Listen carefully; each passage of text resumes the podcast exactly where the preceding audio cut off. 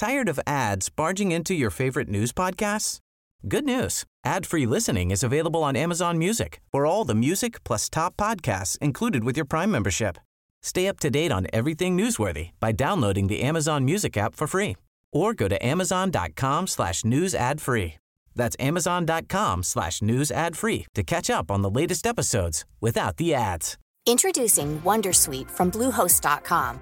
Website creation is hard, but now with Bluehost, you can answer a few simple questions about your business and get a unique WordPress website or store right away. From there, you can customize your design, colors, and content. And Bluehost automatically helps you get found in search engines like Google and Bing. From step-by-step guidance to suggested plugins, Bluehost makes WordPress wonderful for everyone. Go to bluehost.com/wondersuite.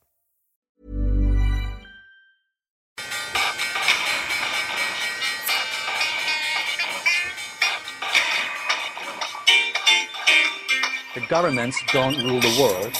Goldman Sachs rules the world.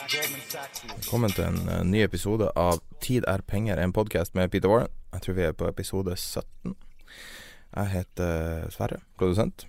Eh, og Peter sitter her sammen med meg. Ja. vi har, har litt travelt før jul her, så vi får bare egentlig komme i gang. Eh, vår, dagens episode handler om prognoser og spå framtida. Så eh, her skal du få alle fasiten på det som skjer i framtida. Eh, før vi går i gang med det, skal jeg presentere eh, vår partner i podkasten, som er IG Market. IG er en nettmegler for private investorer og tradere, som er kanskje litt mer aktive i finansmarkedet enn ellers. Hos IG kan du handle et bredt spekter av markeder, og i det siste har det jo vært mye fokus på nye produkter, sånn som f.eks. deres bitcoin-produkt. Mange norske kunder trader long eller short norske aksjer, og i tillegg kan du handle et bredt spekter av internasjonale aksjer, både long og short. Uh, I tillegg, til, rå, uh, tillegg til, til, det har du eksotiske råvarer som appelsin, sukker og veldig mye annet. Så det, det er i praksis Du kan, du kan trade alt. Uh, da kommer selvfølgelig valuta og stats, statsobligasjoner med. Du kan gå på hjemmesida til podkasten hos IG, som er ig.com-no skråstrek Warren. Før vi starter også, skal vi spille av en en kort utdrag av vår samtale med Erik Hansen om eh, norske og utenlandske aksjer, både long og short. Eh, hele samtalen er i slutten av denne podkasten. Ja, vi, vi erbjuder da uh, alle verdens ulike uh, aksjemarkeder, alt fra Kina, Brasilien, Grekland osv. Så, så at, uh, det, det, er veldig enkelt handle uh, aksjer i USA, Norge eller Sverige.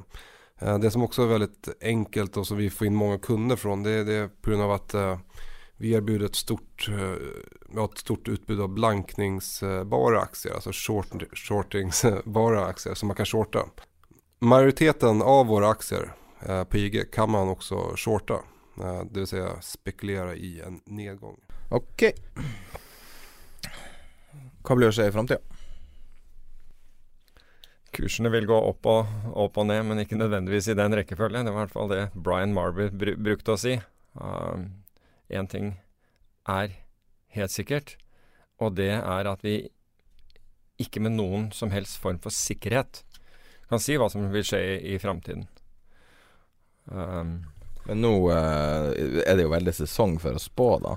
Og hvis du leser en avis, uh, så står det veldig mye om hvor valutakurser, aksjekurser og alt mulig skal. Ja. Og, ja men det, det er ikke en spådom.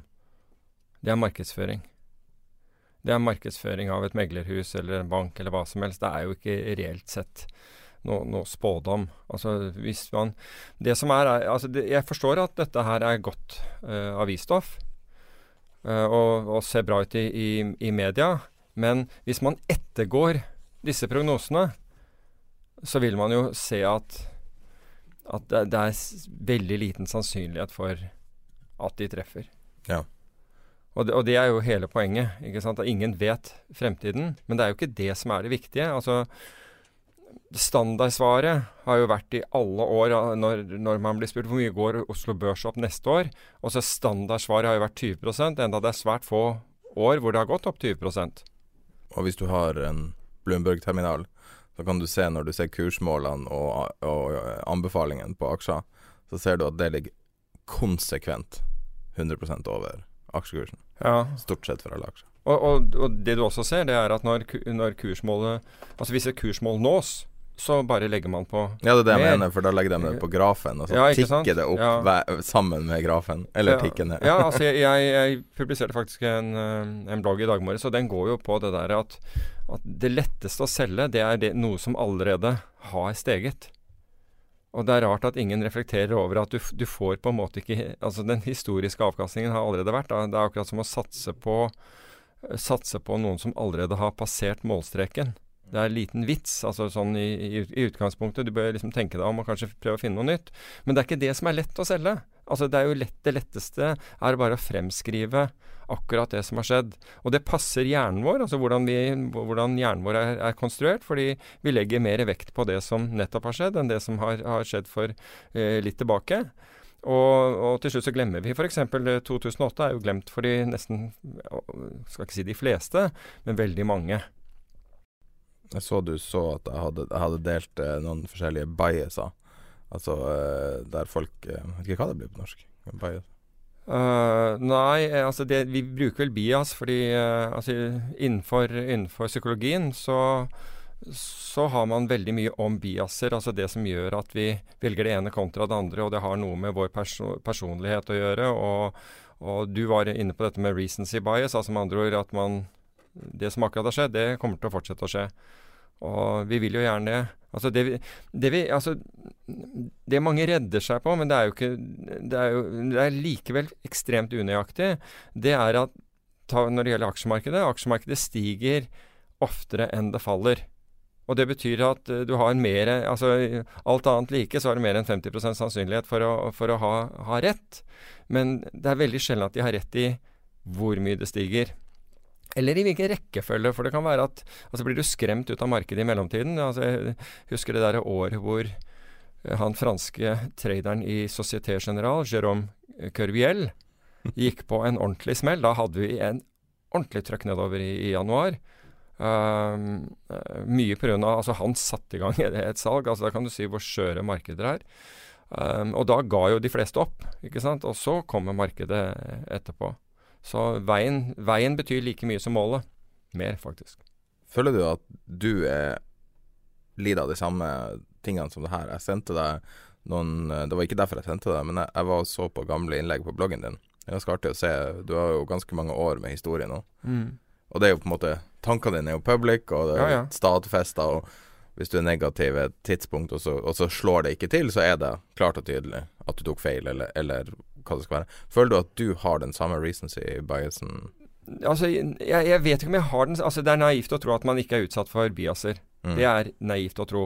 Um, men hvis du er klar over biasene, så kan du i det minste ha en, en oppmerksomhet rettet mot det. Sånn som bl.a. det vi ofte ser, er like ofte som, som det recency bias, er kognitiv lukking. Altså med andre ord at man mentalt lukker seg for andre muligheter enn den man vil ha. Og den ser vi gang på gang. At, altså, ta f.eks. 2008. Det manglet ikke Det manglet jo ikke i 2008 signaler på at noe var galt. Det var bare at man lukket seg for muligheten at noe var galt. Fullstendig lukket seg fra det, og derfor så blir effekten så stor som, som den gjør. Og, altså, og, til det der med at aksjemarkedet stiger eh, mer enn det, det faller. Eh, det er riktig, men man må også huske at liksom når det først faller, så er det som regel dramatikk på gang.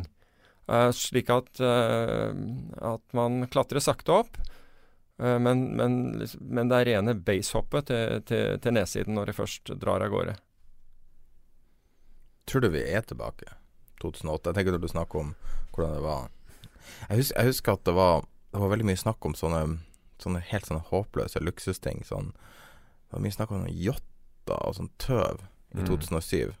At det var en sånn helt sånn ekstrem bevegelse i den retninga.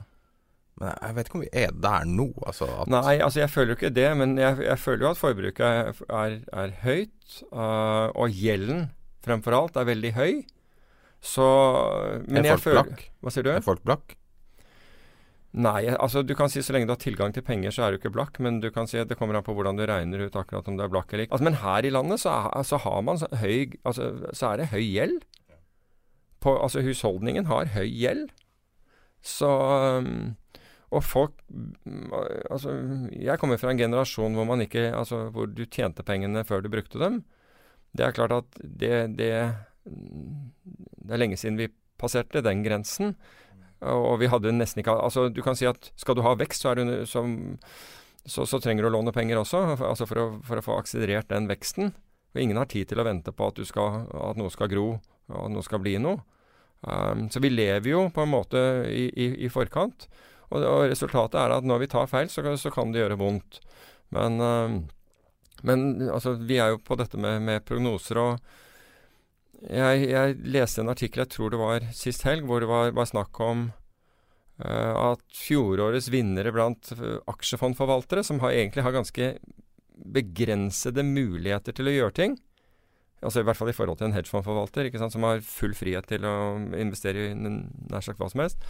Um, men i hvert fall at, at uh, to, altså de, som vant, altså de som var de beste i 2016, var de dårligste i 2017. Um, og, og, det, og, og, poenget er at, at da, der ser du dette med forutsigbarhet. Og jeg så rett etter altså Helt i begynnelsen av 2017 da så jeg et sånt finansielt produkt jeg omtalte, for det var så enormt høye kostnader forbundet med det. Og det var selvfølgelig noen av de beste forvalterne fra året før som, nå, som man skulle belåne og kjøre i et produkt som man tok en vanvittig uh, en, tegningshonorar og omkostninger for. Men nok om det. Altså Poenget er at Altså hvis vi, jeg tror Skagen er et av de beste eksemplene. ikke sant? Fordi der har du en, en, en eh, investor, et forvaltningshus, med en viss stil. Som går etter verdi og er grundig, og, og, og inntjening er viktig, og og, Og de har ikke, vi, så vidt jeg vet, så har de ikke veket fra det. og så Det bare fortsetter de å holde. Men i periode så kommer du da plutselig til en periode hvor f.eks fremvoksende markeder og, og, og, og inntjening og verdi ikke er de ledende driverne. Og det går greit så lenge hvis det, det, er en kort periode, men hvis det går over noen år, så mister investorene tillit, og ikke minst konkurrentene dine begynner da å, å snakke stygt om deg. ikke sant? Fordi ah, de klarer ikke å levere så, så bare se hvor mye vi, altså vår avkastning de siste tre månedene. Og så, ikke sant? Og så hopper man på neste toget som er vekst. ikke sant? Og nå, altså I siste så har det jo vært ikke sant, eh, vekst helt uten inntjening. Um, hvis du hadde blockchain i navnet eller nevnte det et annet sted, så var det jo helt fantastisk hva du kunne, hva, hva du kunne få investorer til å betale for, for, for, en aksje eller for et selskap. Så, og jeg tror at altså fremtiden i dette For nå har vi sett det der. Vi har ikke bare, har ikke bare sett det med, med, på en måte investeringsstilen til, til Skagen. Det, det, det, som er bra med Skagen, det er jo at de er um, at du vet hva du får. ikke sant? Det, det, det skifter ikke fra dag til dag. Men det, det vi ser for, mer og mer, det er jo at dette blir, blir omdannet til algoritmer. Og at forvaltningsforetakene har en suite av forskjellige modeller. De har modeller for vekst, de har modeller for verdi, de har modeller for momentum, og de har modeller for mean reversion. Altså mange, mange sånne ting. Og så lar man, altså så prøver man og håper at man skal få til av maskinlæring, kunstig intelligens om man vil, som skal da finne ut av hva som lønner seg nå. Og da kan du bruke din egen feedback loop, altså med andre ord hvordan går dette? Og så ser du at vet du hva, denne her går, går ikke noe bra, så slår man av den modellen og lar andre modeller overta, osv. Ta f.eks. Renaissance Technology, altså, som antageligvis er suksessen i år. Altså ikke bare i år, men det har vært det i, i, i noen tiår nå. I år har de fått ytterligere, for de åpnet, åpnet i fondet. De har jo hatt det stengt for nye investorer. De fikk, fikk inn 10 milliarder dollar. Og så stengte de igjen, fordi de ville ikke ha, ha mer. Og de, de gjør det jo bl.a. på denne måten. Rentec, for dem som ikke vet, er et veldig berykta hedgefond uh, utenfor New York. Er, berømt, ville jeg kalt det. Fordi, både berømt og berykta. Ja. Man vet ikke helt hva som foregår. Veldig sånn black box. De har egentlig i praksis ingen uten Utenomstå, altså ingen investorer utenom dem som jobber der? Jo, altså i noen av fondene sine har de, men i medaljen har de ikke det. Nei, altså, men, men, du, men altså, det med dette fondet er at det er rent matematikk. At det er ren matematikk og statistikk som, som driver det. det det. er, ingen som går rundt og, og lurer på et selskaps inntjening eller, eller, eller foretar noen prognose. Her foretas det ikke prognoser i det hele tatt. Men da kommer vi tilbake til det. Er, er det noen Altså, vi snakker jo om skin in the game en del. Så lurer jeg på dem som har genuint skin in the game, la oss si George Soros, eller personer med reell risikotagning, mm. bruker de prognoser i det hele tatt? Jeg aner ikke når det gjelder uh, Soros, for han er jo litt av, av hvert, liksom. Altså nå har jo altså både Soros, alle, flere og flere av disse her uh, Paul Tudor Jones, som vi har snakket om uh, her noen ganger Nå har de alle gått inn i, i, uh, i algoritmisk, altså forvaltning. Nå har de alle liksom den type fond. Og, og, jeg tror også du kommer til å se Altså, du har ett i Norge, um, men det kommer flere nå. Det er, det er folk som står og, og, og, tenker på å gjøre dette her. Fordi du har ikke da sårbarheten med enkelte forvaltere. Ikke sant? Altså, Er den forvalteren flink eller ikke? Hvis han slutter, hva skjer da? Da detter jo fra hverandre, osv. Det her vet jeg oppriktig ikke svaret på, så det er ikke, det er ikke et planta spørsmål. Kunne du ha tenkt deg å starte et uh, algoritmisk fond, f.eks.? Du var jo fondsforvalter i veldig mange år, og det er en ja. komplisert prosess. Masse regelverk, masse dritt. Og, og nå hadde du jo Altså, du hadde jo klart å gjøre veldig mye automatisk. Ja, altså vi gjorde jo, altså Det var jo rent algoritmisk, det, det, det ene fondet, altså Warren Short Term Trading, som vant disse fem internasjonale prisene, var jo rent algoritmisk. Um, øh, kunne jeg tenke meg å starte på nytt igjen, mener du, og gjøre dette? Altså, Jeg, jeg syns jo den regulatoriske byrden er blitt overveldende. Og det, det syns jo de fleste i dag. Altså, og det ser du at mange av, av, store fond har omdannet seg til family offices, for de gidder ikke å betale så mye penger for, uh, for, for, uh, for regulering. Um, hvis jeg skulle gjort det Altså, jeg ville ikke gjort det heavy lifting selv. selv. Andre jeg hadde ikke orket å dra det gjennom den regulatoriske møllen og sånt. Og hvis du bare kunne sitte og holde på med den rene forvaltningen, um, og, og, slippe alt det andre, altså som, som jeg egentlig gjorde, Uh, men når du er stor eier, så sitter du i styret og alt mulig sånn. Altså, så jeg vet ikke. Men uh, så, så kunne det hende, fordi jeg, jeg, det, faget interesserer meg jo fortsatt. Uh, så, men, men, som sagt, jeg har all sympati for de som, og spesielt de som ønsker å starte nå, i, i den der motbakken av, av, av regulering. En fordel er det at hvis du starter nå, så kan du på en måte starte med blanke ark.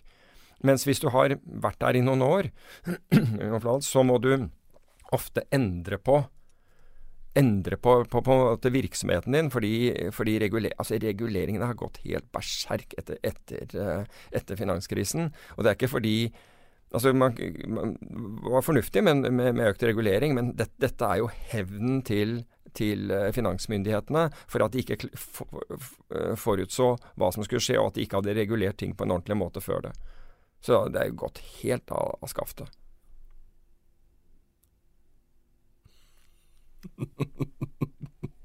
jeg bare lar det sitte der litt. Hva med nyttårsraketter, da? Ja, jeg, altså jeg har aldri deltatt i, i, i, i det.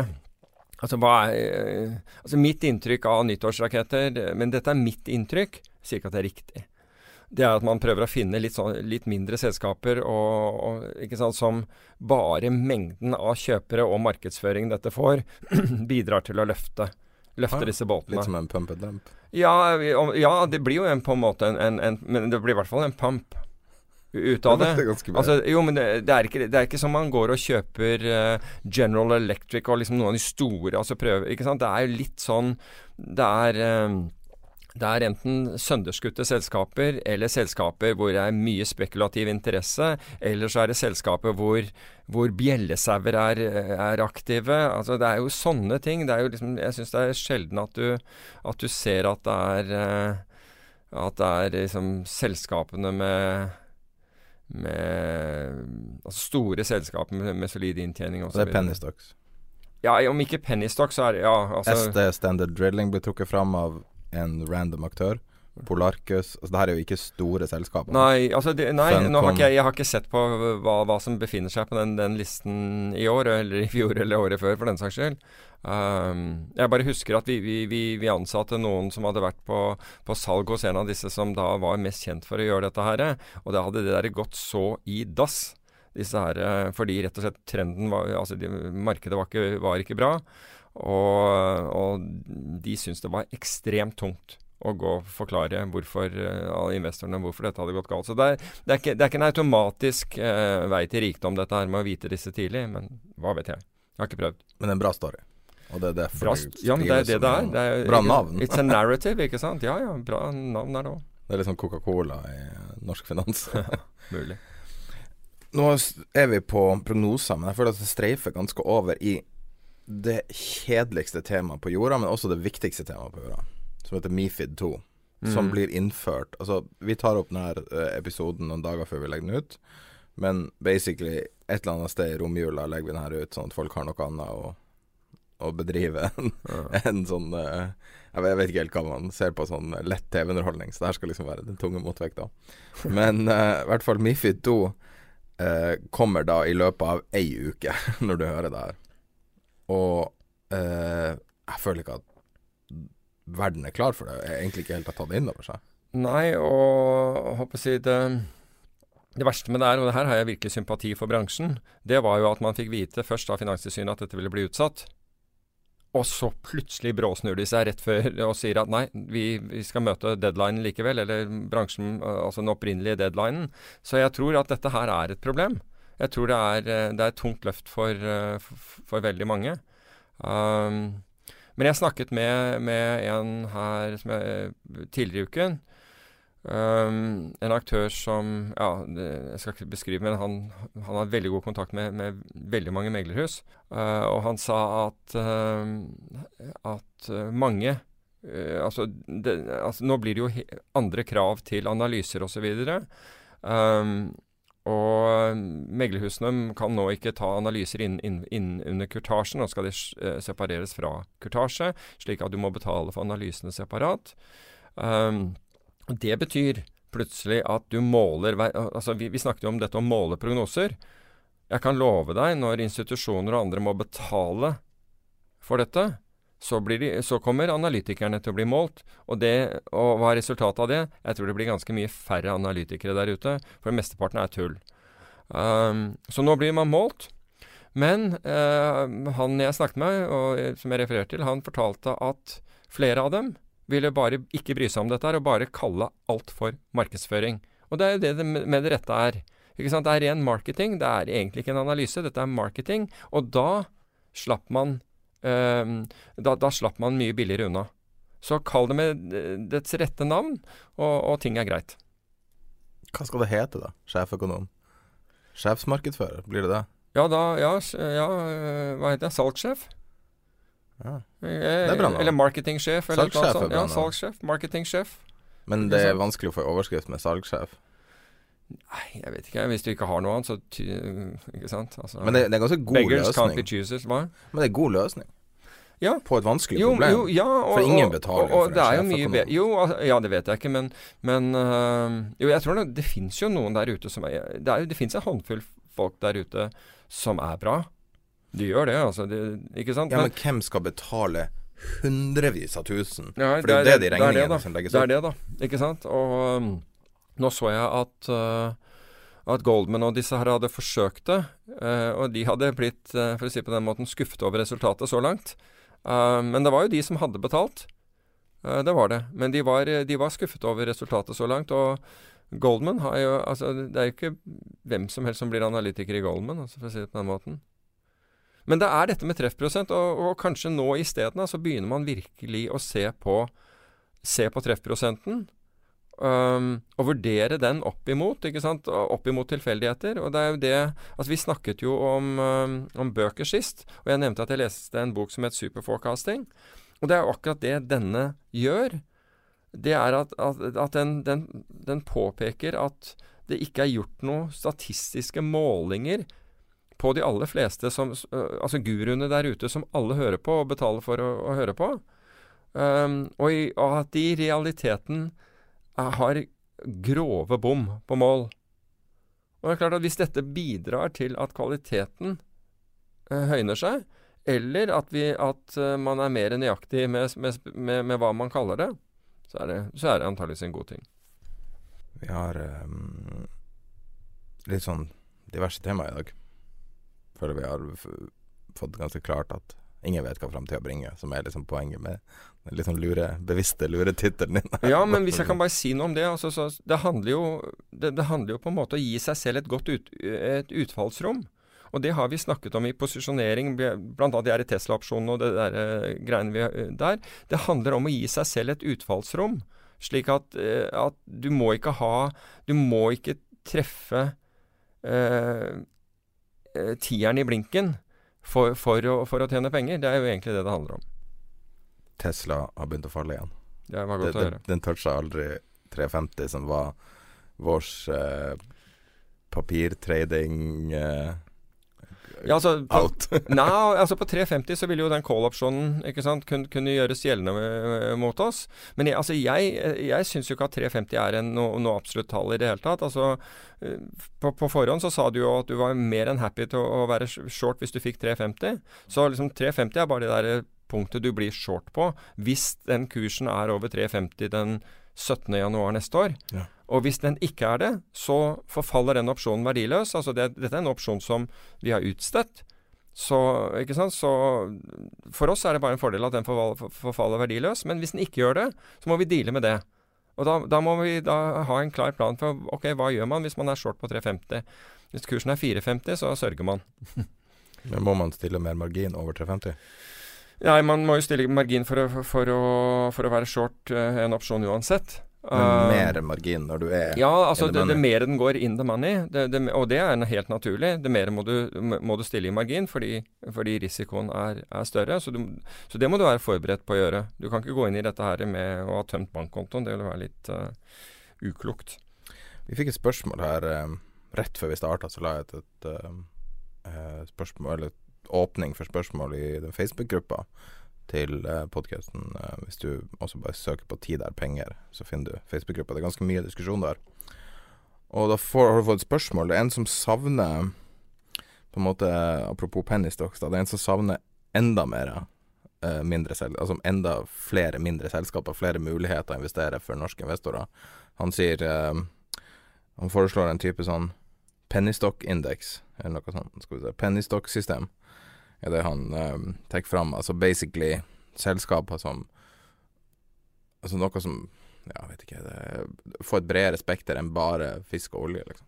Men, men, du, ja, nå er jeg ikke, jeg kjenner ikke jeg til liksom, bredden av hva man har på Oslo Børs, men du har jo du har jo en sånn uoffisiell liste på, på Oslo Børs hvor uh, Husker ikke i farten hva den heter. Tilsvarende AIM i, i London. Uh, eller Pink Sheets i USA. Hva heter den? Merkur Nei, er det ikke noe sånt, da? Det er i hvert fall en, en, en markedsplass som for, for, selskaper som ikke oppnår Eller som ikke har søkt om børsnotering. da ikke, Merkur, ja. Og, ja, det var altså, det. For det under Oslo Access var den gamle. Ja, riktig. Og Merkur er enda mindre. Ja.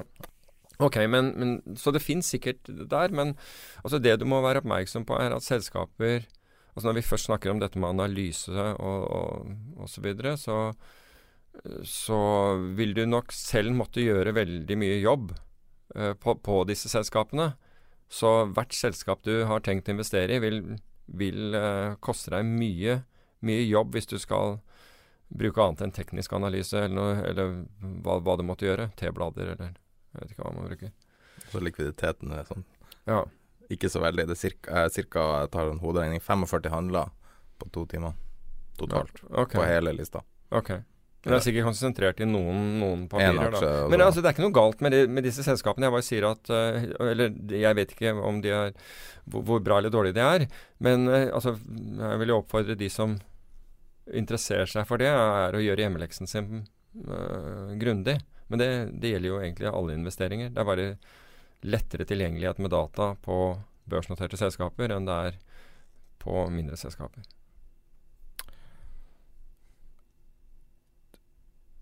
Er så overprisa? Jeg stilte det spørsmålet tidligere basert på at VIX er så tilgjengelig for handel. Ja. Og så visste du meg en måte å regne fram fair, fair value av VIX. Ja, altså det vi kan, altså det vi kan gjøre med, med VIX-en Ja, det er mange måter å regne fair value på, men altså VIX-en handler om fremtiden. For VIX-en baserer seg på opsjonspriser. Øh, opsjonspriser på øh, selskapene i SMP 500-indeksen. Så den er forward-looking. Med andre ord, de som stiller opsjonspriser, de har en formening om fremtiden, ikke, ikke fortiden.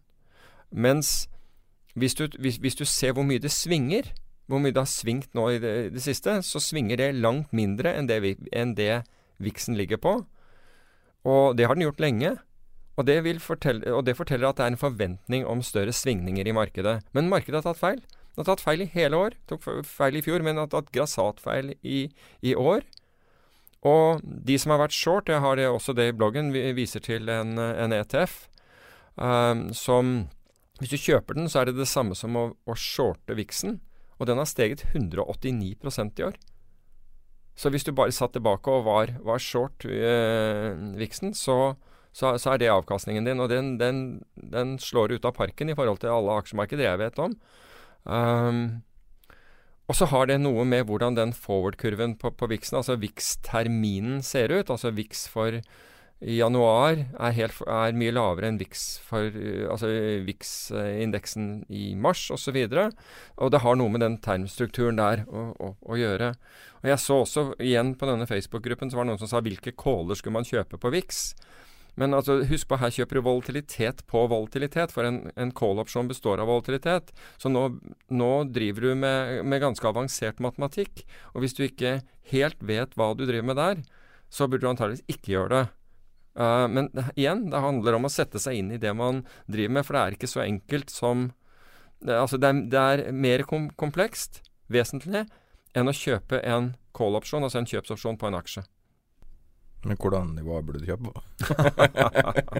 ja, det, altså det, det, var noen som spurte meg, meg om så, hva ville du gjort, og, og, og, og det Altså, før jeg kan si hva jeg ville gjort, så, så, trenger jeg en hypotese. altså Et eller annet å regne ut ifra. Fordi jeg vet ikke hvordan denne personen tenker. Om, om denne personen tenker på en skal han ut 10.1, eller skal han hedge noe de neste tre årene? Eller altså, hva er det de forsøker å gjøre? Ikke sant? Altså, det fins andre instrumenter. Hvis du skal, hvis du skal, hvis du skal hedge realvolatilitet, da har noe som heter variant swap som kan brukes hvis du, er, hvis du har tilgang til, til, det markedet. Men vi skal ikke bli for komplisert her. Men det, eh, poenget mitt er at, uh, er at altså, jeg må vite hva folk vil ha. Altså hva de tenker på, er, liksom, hvor, hvilken oppfatning har de? For i det hele tatt å, Nå vet jeg ikke om jeg er den rette til å besvare det spørsmålet engang, men, men, uh, men for at jeg skal kunne komme med noe, så må jeg først vite hva, hva de, hvilke forventninger de har. For ellers så blir det helt meningsløst. Hvis dette er en investor som har ti års sikt eller et eller annet sånt, så ikke gjør noe, så bare bli der med det du driver med. Men uh, har du liksom kortere ikke sant? Med en gang du begynner å korte det ned og, og stille krav til den, altså gjør det conditional ikke sant? Jeg vil ikke tape mer enn 5% men jeg vil gjerne ikke sant? Men jeg vil ha muligheten til å tjene 10 eller et eller annet sånt. Så blir det hele mye mer komplekst, og, og, og sånt er det individuelt. Det er helt umulig å vite. Altså To investorer og to tradere har sjelden samme, helt nøyaktig syn, samme syn. Det er et lite spørsmål jeg, fikk her i dag. Jeg satt og leste en Dagens Næringsliv-artikkel om Norwegian. Som hadde gjort en uh, Hadde imitert litt. Grann. Så du det? Nei. Så de hadde solgt aksjer i effektivt sett Bank Norwegian. Det som heter Norwegian Finance Holding, tror jeg. Mm -hmm. Eller Finance Holding. Og, og så hadde de utstedt uh, sånn TRS-kontrakter. Uh, ja. ja. Uh, som er sånn gammel En sånn ting som du så at Jon Fredriksen gjorde veldig ofte før han rullerte kontinuerlig TRS-er. Altså TRS er det samme som en future, det er bare at uh, den ikke er på børs. Det er egentlig en future-kontrakt. Total return swap er en future-kontrakt. Men hvorfor gjør de det? Er det for å snike en emisjon ut? Uh, nei, altså du altså jeg, Nå vet jeg ikke jeg, jeg, kjenner ikke dette tilfellet. Men du kan si at hvis jeg f.eks. hadde tegnet meg i en emisjon Før du sier noe, så kan du bare se artikkelen her. For det uh... Bare klipp ut, da. Her står det at de har, ok, de har solgt Skal vi se Ok. Altså Det man har gjort her, er at man har gjort en, et terminsalg. Altså Du blir sittende på Altså Jeg går ut fra, uten at jeg bare så de øverste linjene, men hvis jeg f.eks. tegner meg en emisjon til kurs 100, og samtidig, men samtidig med det, så selger jeg deg en TRS på kurs 105 mm. um, med oppgjør om et år, da har jeg null risiko på aksjen. Jeg har, jeg har både kjøpt og solgt den. Jeg, jeg har, som i Bank Norwegian Finan... Nei, Bank Norwegian eller Finan, Norwegian Finance Holding. Ja, altså jeg bare sier hvis, hvis, jeg hadde gjort det, altså hvis jeg hadde tegnet meg en emisjon for et antall aksjer, og jeg visste at jeg skulle få det antallet aksjer, og jeg samtidig selger en TRS på de aksjene, så har jeg null kursrisiko på de aksjene. Jeg, jeg, altså I det tilfellet så, i det tilfellet med deg, så vil jeg få fem kroner per aksje om et år. Det er det jeg, jeg ikke skjønner hvorfor Norwegian gjør det her, annet enn at de prøver å snike ut en emisjon uten å gjøre en emisjon. Uh, jeg, jeg, aner ikke hvorfor de har gjort det. Det vil jo bare være spekulasjon fra min side. Men, ja, men uh, tenk på det er jo et instrument som hedgefond ofte dealer med. Du kommer fra hedgefondverden. Ja. Det er jo en uvanlig kontrakt. En ter nei, det er ikke så uvanlig altså, Det er ikke en ordinær vanilla-emisjon? Ja, altså, nei, men altså vi Nei. nei. Det er det ikke. Altså, i, Brukt sammen emisjon, så er det jo ikke det. Da, nei, det Nei. Altså, det kan være uh, Av og til så er det sånn jeg vet, jeg vet, ikke. altså Jeg måtte bare spekulere, for jeg kjenner ikke denne storyen. Men det er klart, det jeg vet altså fra, Jeg husker fra, fra, fra mange år tilbake, og da var det en uh, Uh, her må jeg være forsiktig, fordi dette her dreier seg faktisk om, om, om innsidehandel. Her var det en person som satt i innsideposisjon uh, i et selskap. Og så kom selskapet med veldig dårlige nyheter. Og kursen falt kraftig. Og alle sa at han tapte Husker ikke. Det var mange, mange titalls millioner.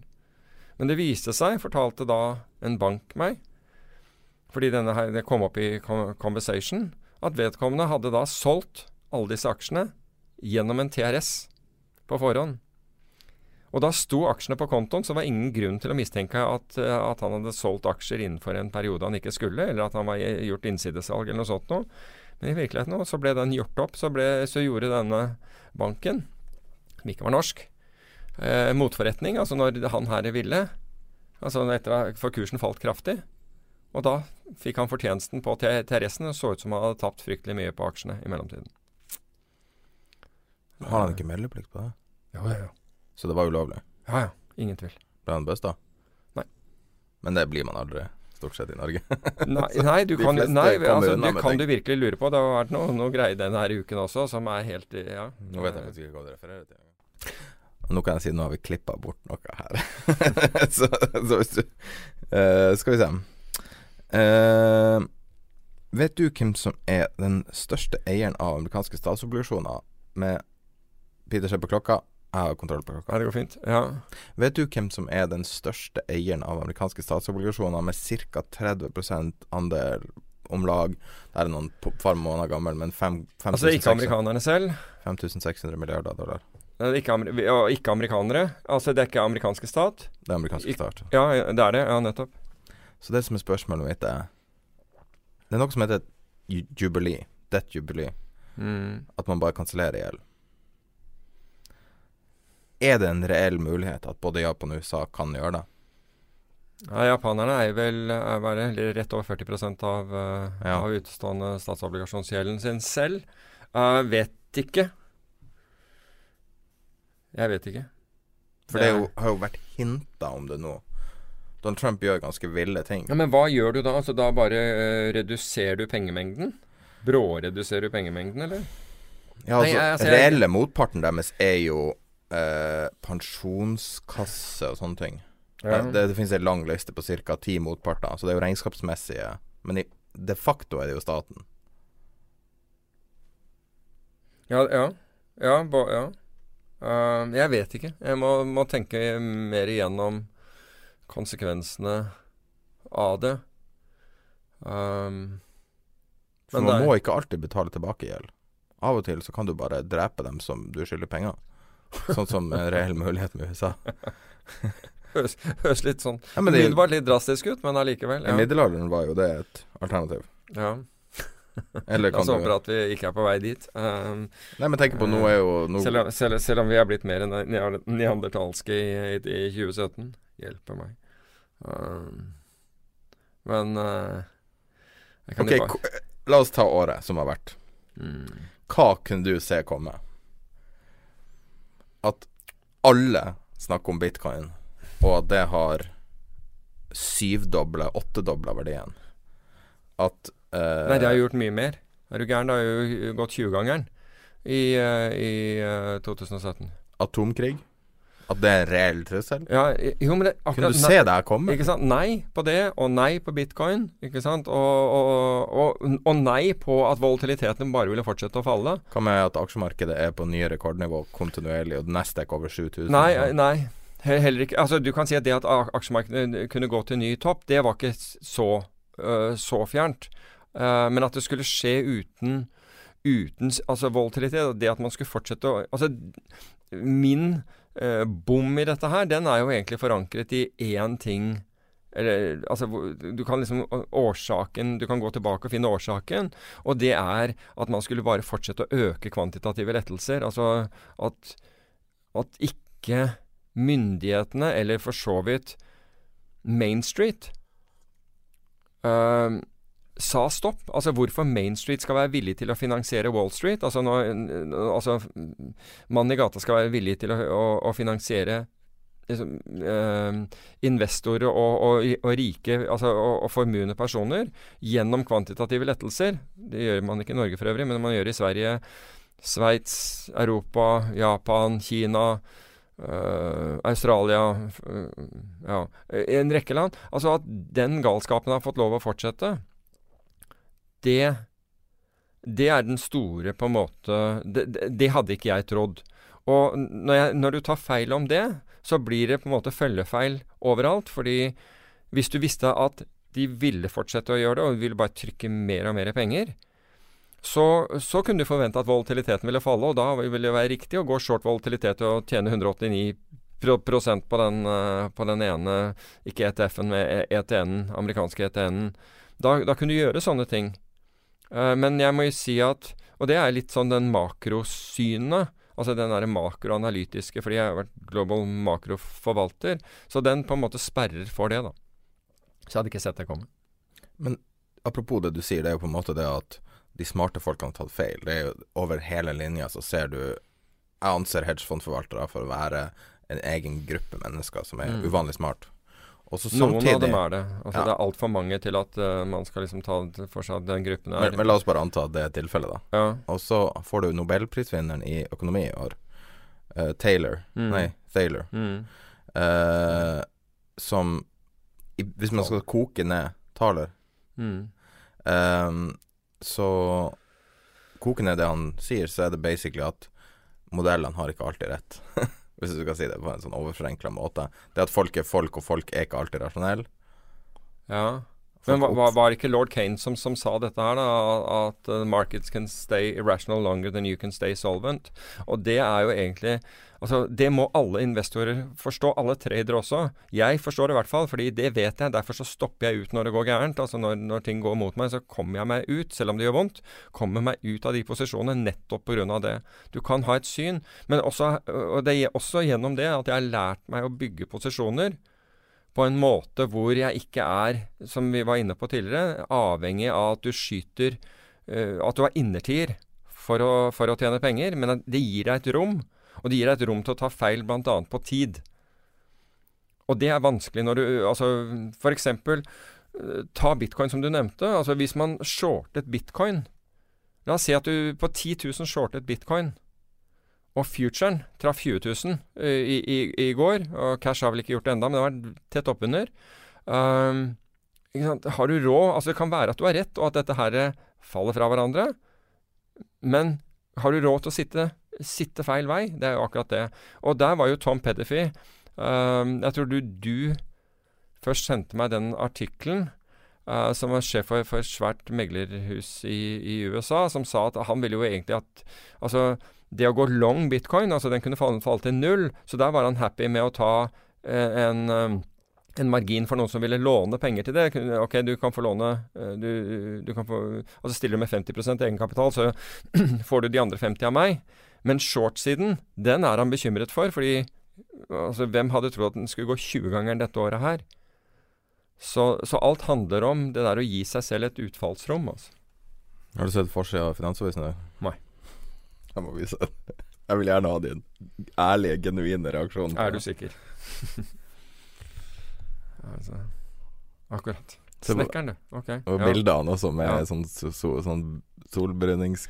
Ja, vet du hva. Og, og, altså, verden er, altså, verden er, full av storyer om folk som fant en, eh, en gammel harddisk på dynga, ja. og, så, og, så, hadde den 2500 bitcoin.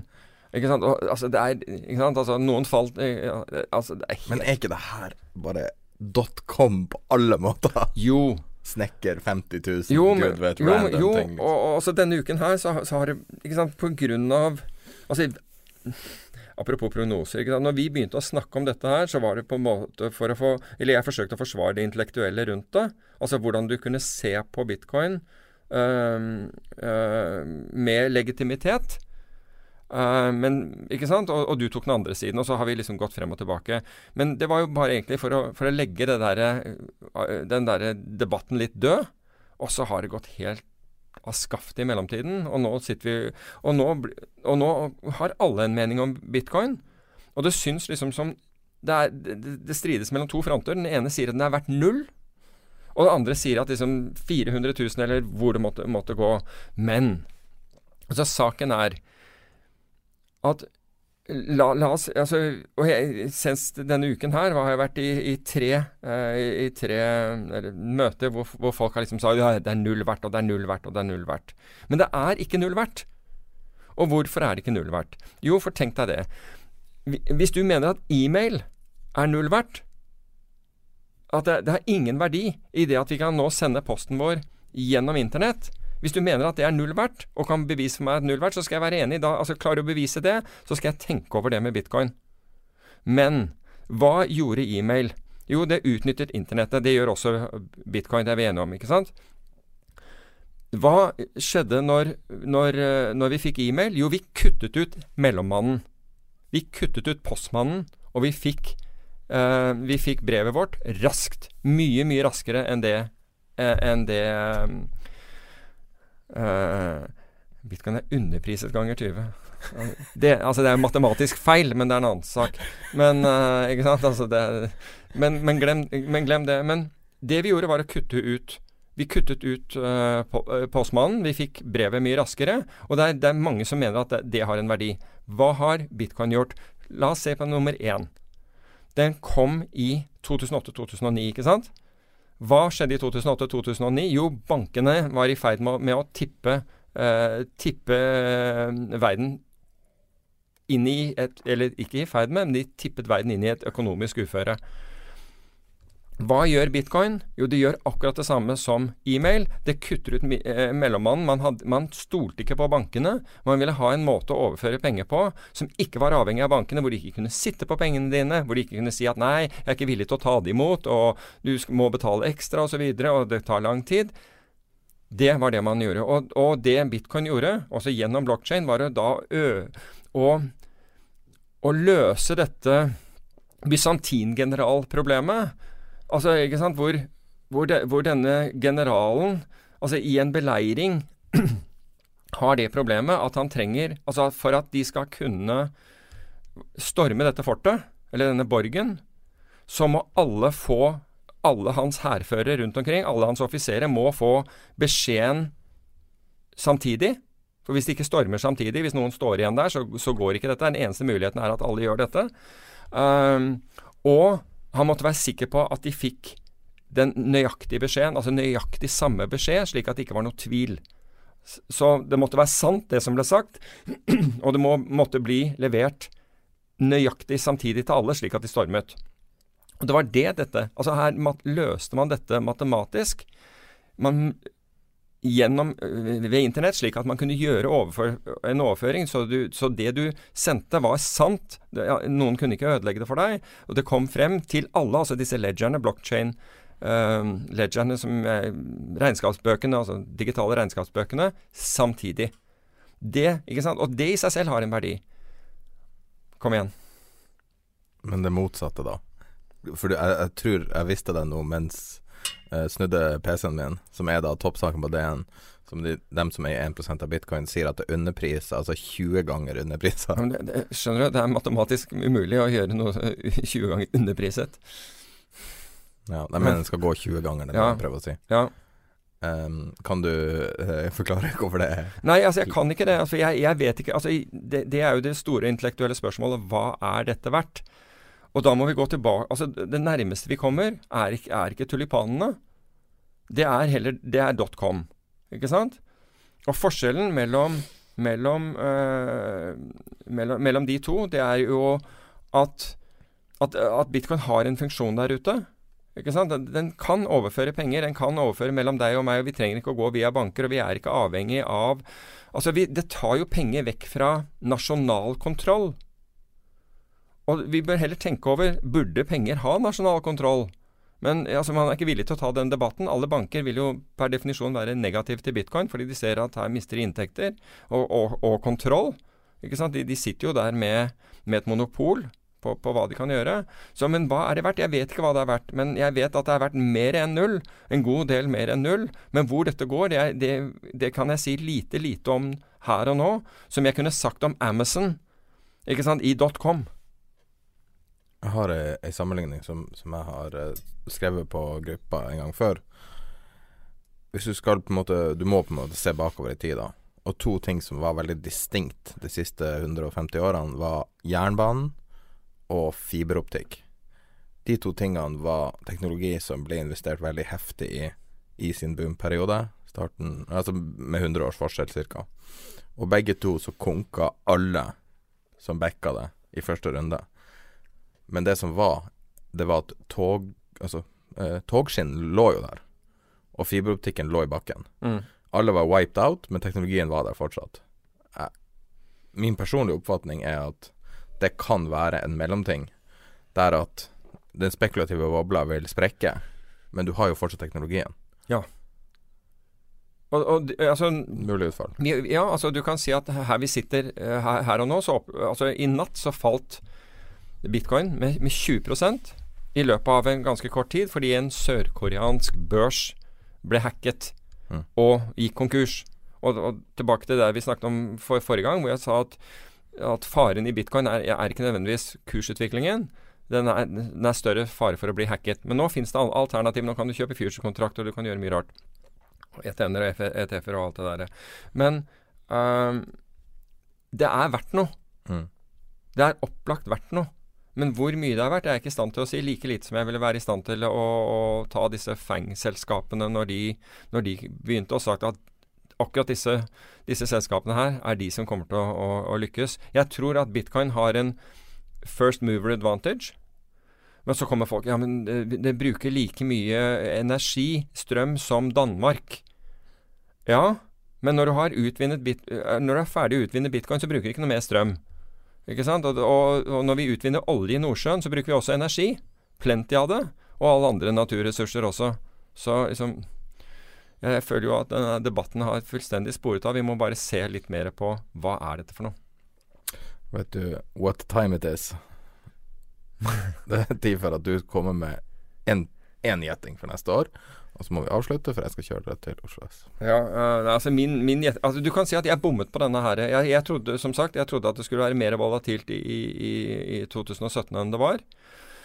Eh, enn det ble. Helt klart mer volatilt. Men jeg tror altså jeg, Og det er ikke bare for å ha helt kognitiv lukking, men i og med at bl.a. den europeiske sentralbanken slutter med sine kvantitative lettelser, både obligasjoner og aksjer har blitt enda dyrere enn de var, og det er Altså, det er ingen jeg vet om som uh, som er noenlunde i vater, som, som sier at uh, noe av disse aksjemarkedene er billig lenger, så vil jeg tro at, at, volatilitet er Altså at det ble mer volatilt i 2018 enn i, enn i 2017, og der finnes det muligheter å utnytte.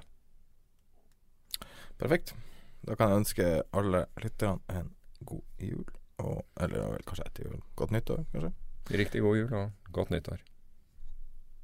Så da skal vi avslutte med en eh, kort samtale med Erik Hansen fra IG Markets om norske og utenlandske aksjer, long og short.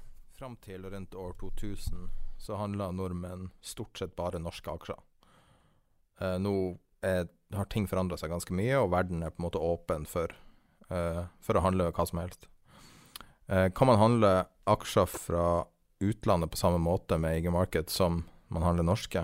Hvordan funker det? Og hvordan kan man gire og eventuelt shorte utenlandske aksjer? Hva med børsnoterte fond og ETF-er og sånne ting? Ja, vi, vi erbjuder då uh, alla världens olika uh, aktiemarknader, allt från Kina, Brasilien, Grekland och så vidare. Så uh, det, det, är väldigt enkelt att handla aktier i USA, Norge eller Sverige. det som också är väldigt enkelt och som vi får in många kunder från det, det är på grund av att vi erbjuder ett stort, eh, ett stort utbud av blankningsbara aktier, alltså short, shortingsbara aktier som man kan shorta. Majoriteten av våra aktier eh, på IG kan man också shorta, eh, det vill säga spekulera i en nedgång. Och det är ju ofta en, någonting som är väldigt viktigt för en, en trader. Att både kunna agera på upp och på nedsidan. Eh, så det, det, finns en lista på vår hemsida där man kan se vilka aktier man kan shorta. Uh, är det så att man kan shorta dem i själva plattformen uh, så är det alltid en aktielåneränta under 6%. Är det så att man inte kan shorta den i plattformen då kan man alltid ringa in till mäklarbordet uh, och snacka med våran trading desk. och då kan det vara så att de kan försöka hitta ett aktielån.